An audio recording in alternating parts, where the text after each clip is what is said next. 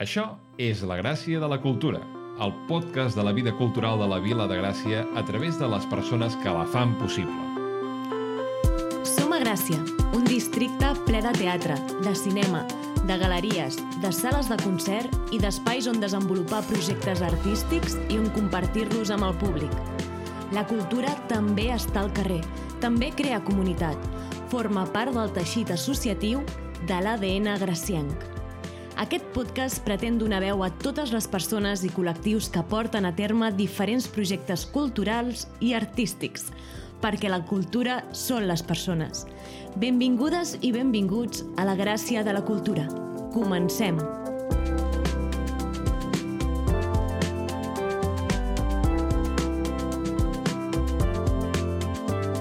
Un podcast realitzat per la periodista Andrea Rodoreda i jo mateix, Jordi Potter, actor, mag, humorista i moltes coses més per intentar sobreviure del món de la cultura. I avui tornem a estar aquí amb un podcast més. Jordi, et vull fer una pregunta. Tu que has estudiat interpretació, que et dediques al món de les arts escèniques, que ets actor, que has dirigit espectacles i fas de productor, creus que el talent neix o es crea? Ostres, doncs aquesta pregunta és una pregunta bastant complicada.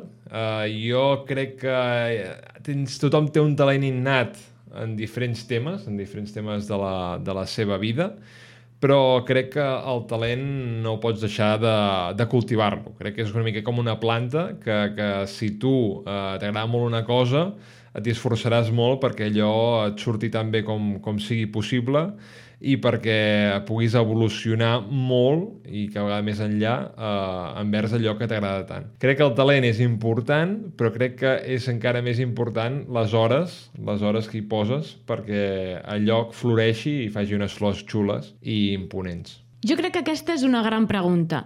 De fet, creus que a Gràcia han sortit artistes amb talent? Home, Gràcia és un, un barri molt gran, hi ha milers i milers de persones, per tant, segur que hi ha molt de talent uh, de diferents estils, uh, no només uh, artístics, sinó que també tecnològics i de molts altres, de tots els que es poden pensar. Per tant, crec que sí, la resposta és clarament sí. Jo crec que Gràcia respira talent per totes les seves cantonades. Només hem de caminar pel carrer i fixar-nos en totes les escoles de pintura, d'interpretació, de ceràmica, de música, entre moltes d'altres que hi ha. Però el talent neix o es crea, Jordi? Saps a qui li podríem preguntar? A una persona amb molt de talent que fa molts anys que treballa en el món de les arts escèniques. Ell és actor, director, dramaturg i director artístic de la companyia Gataro. En Víctor Álvaro, l'ànima del teatre Golems. Em sembla perfecte. Doncs truquem-li. Som-hi. Aviam si això sona... Ja sona.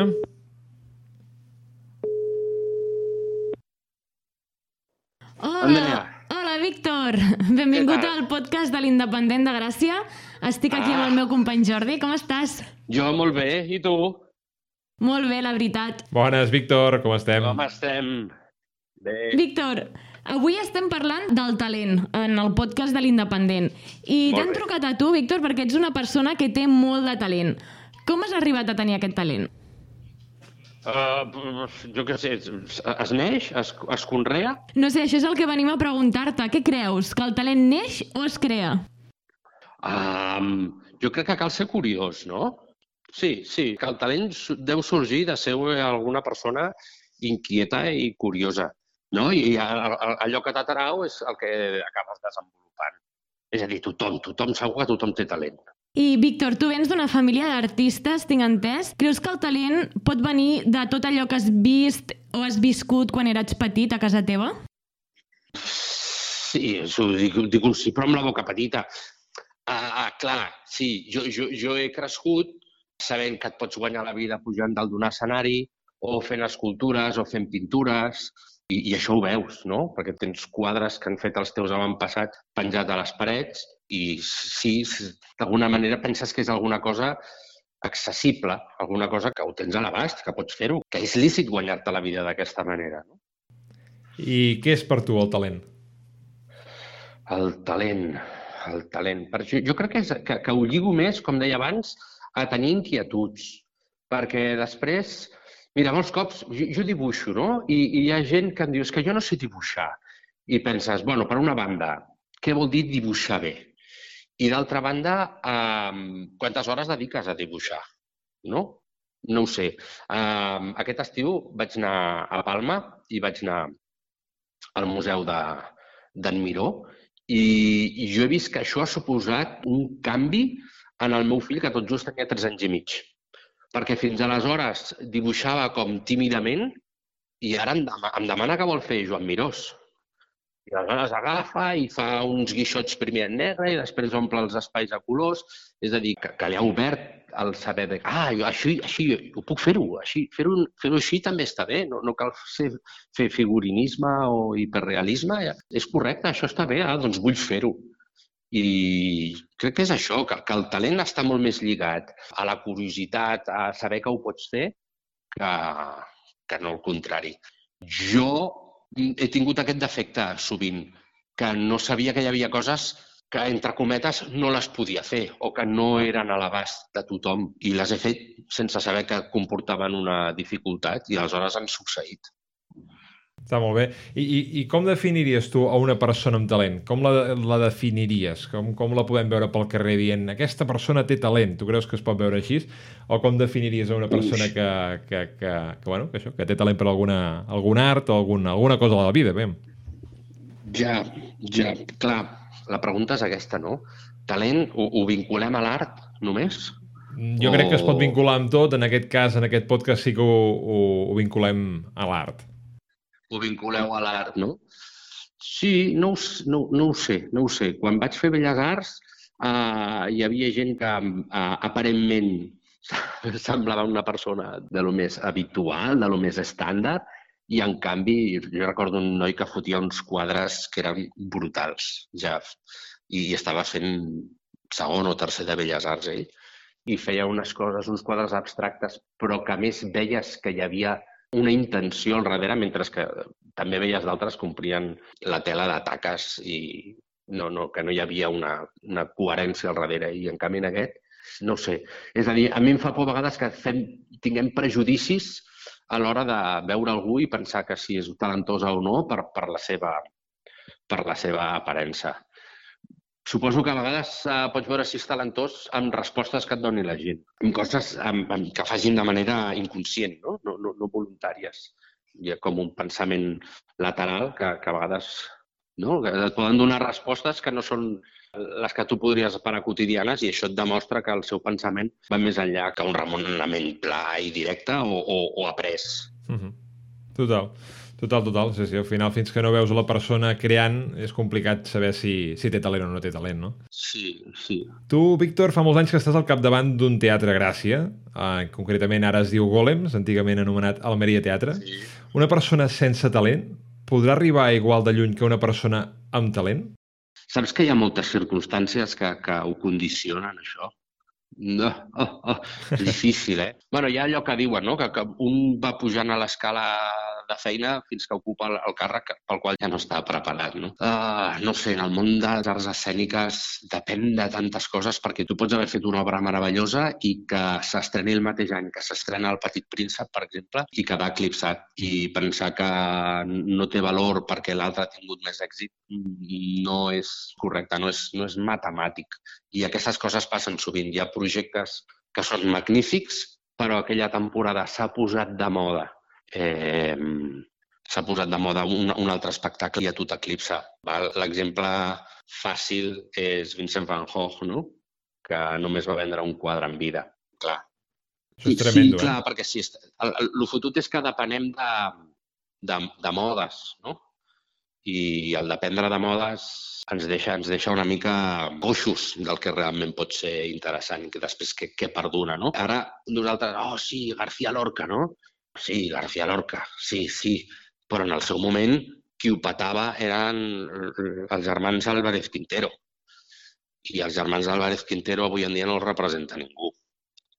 Però ja. en el seu moment era, era el teatre comercial. Tu m'estàs comentant una miqueta que pot ser que hi hagi gent que triomfa molt fort sense tenir res de talent o no haver-s'ho treballat prou, només haver-se treballat la part de màrqueting? No, però hi ha un, hi ha un condicionant de moda que condiciona molt. És a dir, jo no crec que el Mago Pop sigui el millor mag de Barcelona, de Catalunya ni d'Espanya en aquests moments. No per desmereixer, eh? Gens ni mica, gens ni mica. Però jo estic convençut que hi ha altres mags més bons que ells, com a mag. Ara, com a empresari, potser no. Jo crec que potser ell té un gran talent com, com, a, com a empresari. No el vull desmereixer com a, com a mag, que no se'm malinterpreti, eh? però em sembla que és un exemple prou clar i clamorós el temps veurà, el, te el temps dirà. Tenim en teatre molt, molta dramatúrgia contemporània, moltíssima. Veurem d'aquí 30-40 anys què es torna a representar de tota aquesta quantitat d'obres que s'estan fent ara. Mm, I aleshores, per això desvinculo una miqueta del talent, el que se t'arribi a, a representar. I, Víctor, una pregunta. Sí. Creus que Gràcia és un barri on hi ha molt de talent? Sí, en tant que és el barri on més associacions culturals hi ha. Per tant, és on hi ha més gent amb inquietuds per fer coses. Segur. Hi ha, hi ha molt, hi ha molt, i de, i de cultura popular, i uh, trobo a faltar la caldera. Hosti, jo trobo a faltar la caldera que ja no hi sigui a Gràcia. Era, era un punt molt important de, de, sí, sí, de coses que passaven a Gràcia. Eh, la Caldera, la companyia de, de dansa, et refereixes? Sí, sí, sí, el Centre de Creació de Dansa, que ara està a, a Sants, no? Té una gran tradició, Gràcia. Eh, el lliure va sorgir a Gràcia, eh, l'Esteve Polls, que molta gent ja no deu saber qui era, doncs aquest senyor que és qui, entre cometes, va descobrir Núria Espert, ell professionalment va néixer a Gràcia, després va ser director del Romea, va fer de tot, però sí, sí, sí, sí, Gràcia, sens dubte, és, és, un, és un niu de creadors. I ara que has comentat això de la caldera, que abans estava a Gràcia i ara està a Sants, també va passar el mateix amb, amb la Sala Beckett. Sí. Creus que el talent de Gràcia està marxant cap a altres barris o altres llocs? Sí, potser aquí les administracions ens han fallat una miqueta i no han donat prou suport al que succeïa a Gràcia tant des de districte, a lo millor, com, va, com ja des de ciutat reforçar allò que t'està no? que t'està funcionant en un lloc. Entenc que des de ciutat molts cops vol la ciutat com un global i potser no veuen que localistament succeeixen coses que està bé que estiguin allà i que es reforcin. Suposo que des del punt de vista ciutat o fins i tot eh, país, no? bueno, si tinc una cosa aquí i la tinc allà, penses que no t'altera i jo crec que sí, jo crec que sí que altera. La Beckett jo també la trobo a faltar. Hi havia gent que feia doblete, que ens venia a veure a nosaltres a l'Almeria Teatre i després se'n anava a la Beckett a veure una altra funció. Ara això no ho poden fer. En aquest sentit, Gràcia ha perdut. Poble no ha guanyat a la Beckett, sí. I eh, tu creus que la gent valora el talent de les persones? No. No. La gent valora l'èxit de les persones, però no el talent. I això sí que ho puc dir amb la boca plena. Sí, sí, estic convençudíssim. La gent et valora... O sigui, la, hi, ha, hi ha una frase de, de, que és molt típica quan tu comences a fer teatre i et diuen bueno, quan triomfes ja em convidaràs. És una frase molt dita eh? I, i, la gent ho diu sense cap mena de vergonya. Quan triomfis ja em convidaràs, o quan et facis famós ja em convidaràs. Els programes de talent, els talent shows, no busquen el talent, busquen qui guanyi, no qui tingui talent. Busquen qui té més acceptació del públic, no pas qui és capaç de compondre una sinfonia o, saps? Uh -huh. no, no, no, no està lligat a això. Està lligat, uns cops, això, no? a qualitats vocals, però no a talent. Són coses diferents. El talent està lligat a una qüestió de creació. Tenir un bon instrument vocal no és tenir talent. Uh -huh. Fer-lo servir de manera adequada sí que implica un, cert talent, però jo vinculo més el talent a una qüestió de creativa. I això li diuen talent shows i no són talent shows, són uh, capacity shows, no sé. no, no, la gent no valora, no valora el talent, no té, no té capacitat per valorar el talent i no se'ns educa a valorar el talent. Exacte. No se'ns educa en aquest sentit. Som molt ignorants. Uh, fa bastants anys um, vaig veure una cosa al Circo Price a Madrid, que la lucha libre vuelve al Circo Price, i eh, barrejaven artistes de, de diferents disciplines, no? I hi havia una ballarina, no diré noms, eh? una ballarina contemporània que es va fer lligar en una grua i la feien d'una volta damunt del públic amb una gran tela. La gent ovacionava això, quan en realitat el que haurien d'aplaudir era els tècnics pobres que anaven movent la grua de manera sincronitzada que la feien volar damunt de la gent. Hi va haver un ballarí clàssic que es va marcar no sé quants fueters seguits i la gent això no ho va aplaudir perquè no té capacitat, no sap la dificultat que té fer un fueter. Val? I se'n va marcar la tira, va ser brutal. I bueno, va haver-hi aplaudiments però modestos. A Cuba vaig presenciar una escena similar al revés i ovació absoluta. Ovació absoluta per aquesta persona que tenia una capacitat de fer això, no? De, d'una cosa tècnica, fer-la molt bé i moltes, moltes vegades. Allà estan educats, a Cuba estan educats en la cultura, aquí no. Aquí no estem educats a la cultura. I una pregunta, Víctor, com creus que podríem educar a la gent, a la societat, a veure el talent de les persones? Um, estimant els nostres grans. No els estimem, els nostres grans. Estimant-los i apreciant-los i aprenent del llegat que han deixat. Si som on som és perquè molta gent abans ha fet moltes coses. En canvi, el discurs que prevaleix ara és ens esteu deixant un món de merda. I no és veritat. No és veritat perquè la jornada laboral està delimitada, tenim unes jornades de vacances, eh, etc etc. O sigui, S'han aconseguit tota una sèrie de coses. I ara parlo de coses pràctiques. En canvi, el discurs que predomina és aquest altre i rebutgem tot allò que s'ha fet amb anterioritat. Mentre tu rebutgis tot el que s'ha fet amb anterioritat, mentre tu ignoris tot el que s'ha fet amb, anterioritat, tu ets un ignorant. Per, per t'autodefineixes tu com a ignorant perquè ets tu qui decideix ignorar tot el que ha passat abans. I aleshores així la societat pot avançar molt poc. Hem oblidat què va passar a Alemanya, bueno, a Alemanya, a Europa, no? a principis del segle passat, perquè ho estem repetint a Gaza i estem mirant cap a una altra banda perquè ignorem tot allò. Ens agafem a l'estètica, ens agafem a la forma, allò està malament i ja està, i ens quedem amb allò, allò que va passar i, i fins i tot oblidem. Vam tenir una guerra civil aquí, ara es mata gent. No està tan lluny, eh? Palestina no està tan lluny d'on som nosaltres. No mirem enrere. I, I mirar, no mirar enrere ens converteix en, en ignorants. A la cartellera mm, no hi ha Ibsens, no hi ha Strinsbergs, no hi ha autors que pel sol fet de ser representats la gent hauria d'anar en massa a veure'ls. I no hi van perquè ja desconeixen aquests noms. Els únics noms que coneixem són Shakespeare i algun més. Quanta gent ens podria dir noms d'autors no contemporanis? Molt poca, molt poca. Per tothom la música és música clàssica, i el classicisme és una època. I el barroc, també. és a dir, saps? No, no, no, no se'ns cultiva en la història de, de tot el que ha passat. Sí, ens falten classes d'història, d'història de l'art i d'humanisme.